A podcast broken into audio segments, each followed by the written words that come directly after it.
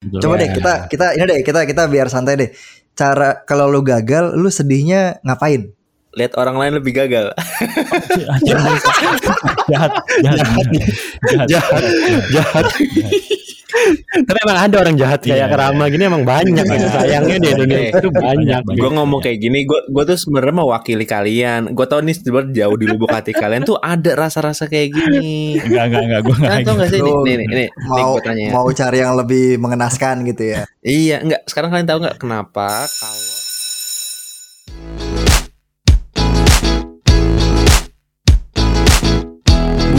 terinspirasi dari episode kita sama Imre kemarin bahwa ada yang jadi host gitu langsung memberikan pertanyaan-pertanyaan yang sangat Oh, daging oh, sekali gitu kan. iya. Lo lo, lo pengen SS. bertindak sebagai Imre. Iya, SSDS, sesi sangat daging sekali. Wah. Anjir, anjir, anjir, anjir, anjir. Soalnya kita kita realize kalau itu episode terbaik kita gitu ya Pak dengan adanya Iya. Imre. Episode, episode terbaik dan itu bukan di kita. Di Imre. Dan ternyata yang bikin berhasil Imre bukan kita gitu kan. Astaga, Tiga- ngapain aja kita selama ini? 31 episode baru bagus setelah ada Imre. Iya, gagal. Di podcast 31 Imre. episode gagal. Bukan di podcast kita, anjir.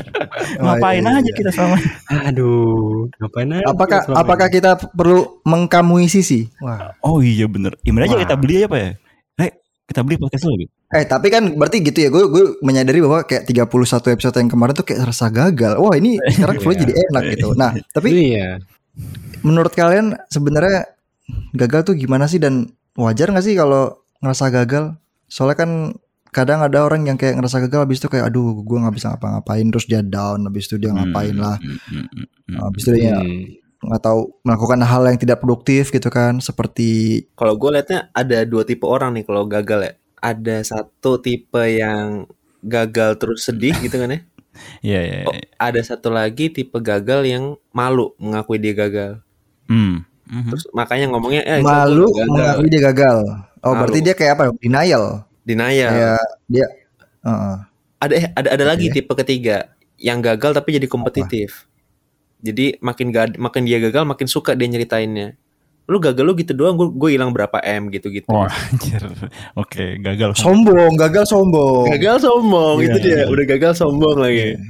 Enggak tapi kalau menurut gue gini Kalau balik ke pertanyaan lu awal tadi ya Pak ya Soal gagal gitu ya. Apa itu gagal? Gue ngeliatnya gagal tuh juga ada spektrum ya Kayak tadi kata Rama Orang yang gagal tuh ada tipe-tipenya gitu. Gagal sendiri pun juga Kegagalan tuh juga ada ada spektrumnya ya. Ada yang gagal karena misalnya Gue berharap dapet A Ternyata gue dapetnya B gitu Kan gagal tuh Karena gue gak dapet apa yang gue mau Tapi kadang-kadang ada juga yang gagal tuh gak gagal tipis gitu loh Kayak misalnya nih Misalnya apa ya Lu ngoding Lu disuruh ngoding bikin, bikin satu function gitu functionnya jalan, jalan aja nggak kenapa-napa, berhasil keluar output yang dipengenin. Cuman ternyata logiknya ada yang salah, bukan salah sih, nggak sesuai, jadi performance-nya turun gitu. Jadinya diprotes sama temen yang lain gitu kan. Itu nggak gagal murni, cuman emang nggak nggak tercapai tujuannya secara penuh gitu loh. Jadi kan menyikapnya pun juga beda-beda ya gitu. Kalau yang gagal, yang nggak dapat yang dia mauin, ya mungkin jadinya down gitu karena kan wah gue udah usaha keras ternyata gue nggak dapet gitu tapi ya kalau misalnya gagal gagal gagal tipis gitu ya ya mungkin jadi refleksi buat dipelajarin di masa depan gitu Tapi Hmm. berarti kuncinya gagal itu lebih ke ekspektasi yang tidak tercapai dari diri sendiri atau apakah itu harus apa eh, nggak cuma dari diri sendiri tapi bisa juga dari dari ekspektasi yang lain gitu. Oh, setuju gue sama Pau. ya, ya itu definisinya bener kayak itu. Gagal Hmm, itu hmm, hmm, hmm. sebenarnya gagal itu bukan kita ke orang lain ya, tapi kita ke diri sendiri tuh. Iya. Jadi bisa diartikan kalau gagal itu sebenarnya gap antara ekspektasi dan realita gitu ya. Oh, gue kira gap gagal tuh gap yang janggal. Anjir, anjir. Aduh. jauh ini ini nggak ada yang nggak ada yang mau gantiin apa dari tadi pau mulu. joknya, ini gue lama-lama keganggu nih sama joknya pau nih. Wah gagal gagal jok jok gue gagal. Oke oke oke. Itu gagal. Tapi kalau gue tadi ngomongin gagal gitu ya, gue juga ngelihat orang kalau menurut gue pribadi orang itu ada tiga jenis melihat kegagalan. Ada yang dia itu dalam hidupnya itu uh, kadang gagal, kadang berhasil gitu ya. Hmm. Jadi eh, dan misalnya ga- kadang gagal kadang berhasil biasanya orang-orang itu terbiasa tuh dengan kegagalan gitu. Ada orang yang eh, nggak pernah gagal gitu. Mhm. Jadi sekali gagal yang tadi kata Rama ya, itu langsung downnya bukan main karena Mhm. seumur hidupnya dia berhasil terus habis itu tahu-tahu gagal gitu. Mhm. Ya ada juga orang yang kayak se- seumur hidupnya gagal aja gitu. dia kayak ya udah udah. nggak pernah berhasil gitu kan. Sedih. dia nggak tahu gimana caranya berhasil ya gitu. Iya, iya, iya, iya. Ya, jadi- jadi eh, tergantung juga nih kita ngebahasnya gimana gitu. Eh tadi ya kan pertanyaan Pau di awal tadi menyikapinya gitu kan. Hmm. Kalau orang yang tadi nggak pernah gagal, begitu gagal ya akhirnya jadinya ambi kan. Dia begitu gagal kayaknya sedih banget gitu. Berarti kalau misalkan tadi ada tipe satu sama tipe duanya menurut Aji, jadi gagal pun juga butuh pengalaman, butuh jam terbang. Kayak karena misalnya kalau lu Hmm. udah keseringan gagal atau lu mungkin beberapa kali gagal, lu belajar dari situ, wah gue punya pengalaman nih, gimana dengan gagal gua dan apa yang harus dilakuin, gue tahu Hmm. gimana menyikapinya. Tapi kalau belum punya pengalaman, sekali gagal langsung, kok gue nggak bisa apa-ngapain, ah, gue nggak worthy gitu, gitu dong. Iya. Iya, iya, iya, bener. Itu case yang Benar sering benar kejadian, benar. kan? Jadi emang eh, harus ke gagal tuh harus membiasakan sih. Jadi bahkan ini eh, gua baca di buku parentingnya ini dia. gua- Oke. eh, Denmark, anak anak Danish. Sesi anak Danish, kebetulan, ya. sesi sesi, Sesi kebetulan. gue baru baca. Ntar. Oh, episode ke depan ada ini dong, ada musik khusus kalau gua ngomong kebetulan. Iya, pakai- gitu kan. Bumper, Bumper istilahnya gitu. bumper pak, Iya. bumper pak istilahnya. Oh iya bumper ya. Iya. Bumper bukan yang di mobil, Pak. Oh, enggak. Ini bumper bener sih bener bener bener. Jadi yang apa eh, kalau di katanya kalau di Dennis eh, kalau yang dongeng-dongeng yang kita baca sekarang itu ternyata itu udah dirubah tuh. Jadi kayak contohnya kayak Little Mermaid gitu ya, Cinderella gitu. Itu tuh eh, dari cerita aslinya itu udah udah dirubah gitu. Mereka kan asalnya ada beberapa cerita tuh yang asalnya dari dari Danish gitu ya. Iya. Nah, ternyata di Denmark Danish ya itu maksudnya? Little ah, Denmark, sorry, dari Denmark. Hmm. Nah, Hmm. Little Mermaid itu ceritanya gagal akhirnya sedih gitu. Oh gitu. Jadi kenapa kok cerita eh, cerita anak-anaknya sedih karena si anak-anak Denmark ini dididik buat gagal dari kecil gitu. Oke. Jadi mereka kayak Oh. terbiasa oh ternyata hidup lo itu nggak selalu sukses ya gitu, bisa kadang-kadang gagal gitu. Mhm, mhm. Nah, jadi akhirnya ketika mereka dewasa mereka menghadapi kegagalan ya udah mereka udah udah terbiasa dengan cerita-cerita dan akhirnya mereka tahu oh ya udah ini yang namanya gagal nih gue pernah belajar dari dongeng. Nggak semuanya berjalan baik gitu. Nah salahnya kalau yang dari US gitu ya atau udah dibawa gitu ya ke ke ke Europe atau ke ke ke US akhirnya cerita itu dirubah jadi yang kayak Positif. akhirnya semua putri eh, eh, selalu menikah dengan pangeran dan happily after after gitu kan. Nah itu eh, nggak terlalu bagus buat anak-anak karena mereka tidak terbiasa buat tahu kegagalan gitu. Iya, iya, iya, iya. jadi kalau misalnya gagal mereka bilang loh itu di dongeng kok selalu berhasil gitu ya. Ntar kalau mereka pacaran gitu ya loh kok gua putus? gitu. Wah ini perasaan dulu eh, putri selalu nikah sama pangerannya nah gitu. Jadi emang tadi balik lagi ke pertanyaannya Pau ya. Bela- apa kegagalan itu butuh dipelajarin gitu. Hmm. Bahkan itu tadi kan part of the education kalau di Dennis belajar namanya kegagalan gitu Ya soalnya kan cer- ceritanya berhenti waktu mereka nikah kan. Kalau mereka diterusin ada lagi gagalnya tuh. Gagal bayar. Oh, iya. gagal bayar pajak misalnya. gagal gagal bayar kontrakan gitu ya Tagihan gagal ngalir. mobil eh, eh, mobil ditarik gitu kan Ya lu bayangin kan si apa namanya Little Mermaid lupa nggak isi token listrik gitu kan? Aduh, lupa. iya tuh. Iya. Mau sa- sahur nggak dibangunin. apa ya? Pip, pip, pip. Gagal sahur gitu makan kan. gagal sahur banyak ya sebenarnya kegagalan dalam hidup kita ya gitu banyak Iya, aja iya, bener. nggak disebutin aja gitu ya Iya. Disebutin. eh Ji, tapi gue agak nggak setuju Ji kalau lu bilang gagal itu dibiasakan ya itu Hmm. mungkin konteks yang benar tapi bisa dibuat lebih benar lagi. Jadi Wah, gimana tuh gimana tuh? Wah, gue suka nih, gue suka nih. Menarik nih menarik. Pat Rama bijak ya. Pat, Pat Rama Pat Rama nge-challenge kita. Kayak kemarin Rama ngajarin kita pernikahan. Nah, luar biasa luar biasa Rama memang. Gini gini. Jadi kan bukan biasa untuk gagal ya tapi biasa untuk menerima kegagalan. Hmm. tapi di awal jangan jangan berpikir ah gue udah gue coba aja gagal nggak apa-apa jangan jangan sampai kayak gitu objektif kita harus berhasil nggak boleh kita objektif kita gagal gitu loh jadi bukan Hmm. dibiasakan gagalnya tapi menerima kegagalannya yang dibiasakan gitu loh ya ya ya ya Ya, ya, ya, ya. Itu itu itu mirip sih sama kayak gue ke anak gue. Itu anak gue gue ajarin kalau yang namanya main tanding itu defaultnya lu kalah gitu. Jadi kalau kalah ya terima-terima aja. Justru kalau menang berarti bonus gitu kan. Ya benar kata Rama, gue setuju sama Rama gitu bahwa kegagalan tuh emang disiapin. Kalau gue ingat dulu nyokap gue bilang ke gue kualitas manusia itu bukan diukur dari dari bukan hanya dari seberapa sukses dia gitu, tapi justru yang lebih fundamental. Jadi kalau kamu gagal kamu bisa bangkitnya kayak gimana sih gitu itu yang kata-kata nyokap gue yang gue selalu inget gitu iya sih Eh by the way kalau ur- urusannya kita balikin ke ke kerjaan gitu kan sebenarnya gagal ya tergantung lah. Maksudnya mau kita mau di konteksnya kehidupan, kehidupan berteman, bermain, tanding, olahraga, politik apa pun itu. Nah kalau di kerjaan gitu, Mhm. ada kan yang orang ngerasa eh dia tuh jadinya iya iya aja karena mungkin takut gagal atau takut Hmm, hmm, hmm. eh, atau dia apa ya kayak nggak mau nggak mau apa ya nggak nggak mau nyoba hal baru nggak mau ada inisiatif karena takut gagal gitu nah menurut kalian tuh itu wajar itu ter- terutama mungkin kayak yang baru masuk gitu ya kayak baru join atau fresh grad gitu menurut kalian tuh wajar atau justru bahaya Wajar BGT gue. Ah, kenapa Iya. tuh? kenapa kenapa apalagi tadi ngomong terutama yang baru join gitu ya itu mungkin salah satu hal yang gue lihat dari orang yang mungkin bisa dibilang kayak fresh graduate dan juga dan dia yang senior gitu ya ya itu dari sisi mereka berani ambil resiko jatuhnya itu ya Hmm, hmm, hmm, hmm. Dan yang biasanya baru join ya mereka nggak berani untuk ambil resiko-resiko kayak gitu tapi kalau misalkan kalau udah lama joinnya gimana Nah kalau udah lama, gue rasa Iya. emang udah dituntut buat Artinya gini kan makin lama lu di sebuah tempat tuh dituntut buat ngasih lebih kan. Nah kadang-kadang pas ngasih lebihnya itu mau nggak mau lu mesti agak eksperimental gitu. Nah kalau udah eksperimen kan ya risikonya ada risiko kegagalan gitu kan. Nah tinggal masalah berani ngambil apa enggak gitu.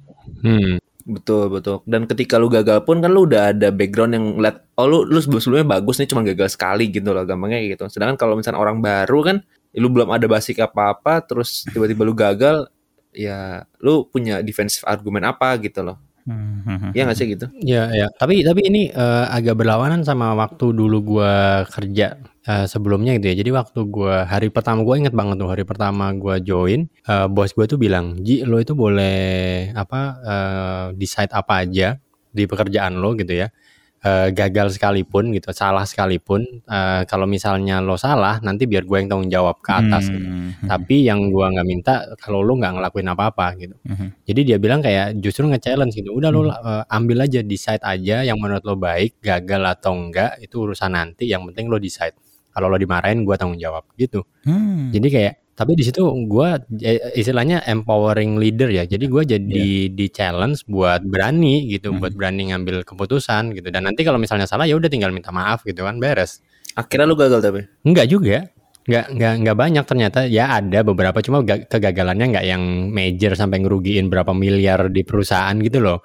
Jadi karena itu surprisingly ternyata kegagalan itu enggak enggak segitu banyaknya kok gitu kalau lo kasih kesempatan buat tim lo ya. Menurut gua sih. Ini eh gua waktu udah jalan lagi eh, udah berapa tahun gitu ya gua tanya juga tuh sama bos gua itu tadi kan kenapa lo dulu biarin gua kayak gitu gitu. Terus dia bilang ya karena gua butuh banyak leader di bawah gua gitu. Kalau gua nggak ngelakuin itu, cost-nya gua buat nggak punya leader di bawah gua itu lebih banyak daripada kegagalan lo gitu. Nice, nice, nice, nice. Dia ngomong kayak gitu gini. Jadi kalau misalnya kita nggak berani gitu ya, terus dia cekokin terus gitu ya, dia yang ngambil keputusan terus akhirnya kan timnya dia nggak jadi leader semua nih. Nah itu malah costly menurut dia gitu, karena akhirnya semua semua dia yang ngerjain gitu, eh, semua semua dia yang mutusin gitu. Gitu. Itu itu itu dari pelajaran itu yang sampai sekarang gua terapin sih di tim gua gitu. Gua belajar banget dari dari dia gitu.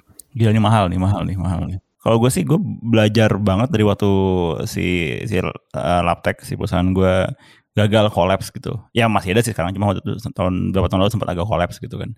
Itu gue baca banyak banget dari situ gitu. Karena eh, apa? Ya gue ngelihatnya itu udah titik terendah hidup gue gitu kan, baik secara keuangan maupun secara mental gitu. Tapi gue masih hidup dan gue masih bisa apa ya? Gue bisa benerin pelan-pelan. Gue masih punya semangat buat benerin gitu. Ya itu menurut gue titik balik yang bisa bikin gue sampai sekarang sih gue ngerasa ya, apa pun yang gue gagal di hidup gue paling nggak saat sekarang ya nggak akan lebih parah daripada itu gitu. Gue rasa sih poinnya adalah kita pernah ketemu hal yang sampai bikin kita mikir itu udah parah banget abis ini ya gue akan itu udah serendah rendahnya kegagalan gue gitu. Abis ini mesti bisa lebih baik daripada itu gitu. Itu yang kayak there's no way to go down anymore ya iya Only way bener up bener gitu ya bener bener bener bener bener gak sih gue ngomongnya lupa Iya. gue gue rasa sih setiap orang titik terendahnya bakal bakal shifting ya seumur dia hidup ya. Mungkin dulu lu titik terendahnya waktu lu gagal SPMB misalnya. Anjir ketahuan banget aku nggak tahu SPMB. kata aku taunya SBMPTN Eh, Anjir. Gue kira lo mau ngomongnya ini si Penmaru. oh iya SPMB. Terus eh, pelan-pelan kan mungkin lu titik terendah jadi misalnya nih lu kuliah IP lu cuma 1,8 gitu. Kan udah rendah tuh kan.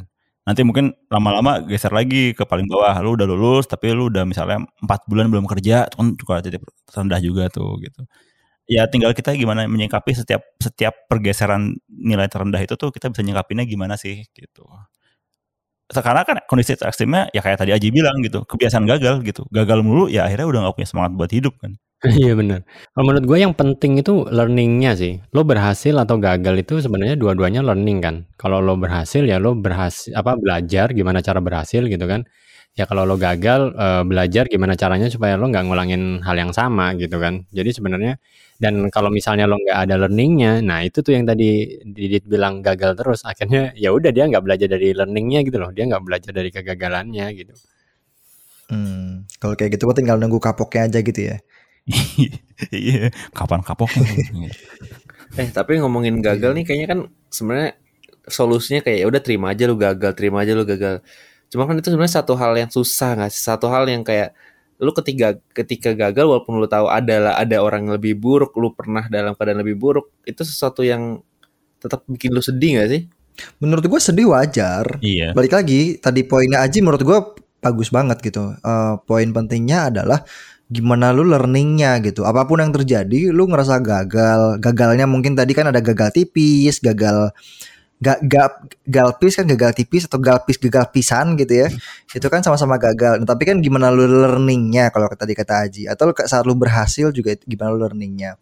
Nah cuman kan eh, un- bahwa lu gagal itu sedih atau lu ngerasa kecewa lu ngerasa apa ya eh, malu gitu menurut gue itu hal yang wajar sih. Nah Hmm, masalahnya wajar itu hal yang subjektif gitu. Betul. nah betul. kewajaran gua dan level kewajarannya Didit, level kewajarannya lu eh, atau Aji itu beda-beda gitu. Nah, Hmm. mungkin dan itu menurut gua eh, untuk tahu level kewajaran kita pun itu juga part of learning gitu. Jadi kayak em, oh, ini gua ngeliat wah Aji nih orangnya positif banget nih kalau gagal eh, langsung bisa bounce back gitu-gitu kan. Nah, itu mungkin karena level kewajarannya Aji udah menguasai gitu kan terus juga udah tahu gimana learningnya coping mekanismenya juga Iya, udah tahu iya, iya, jadi mungkin re- recovery cepet.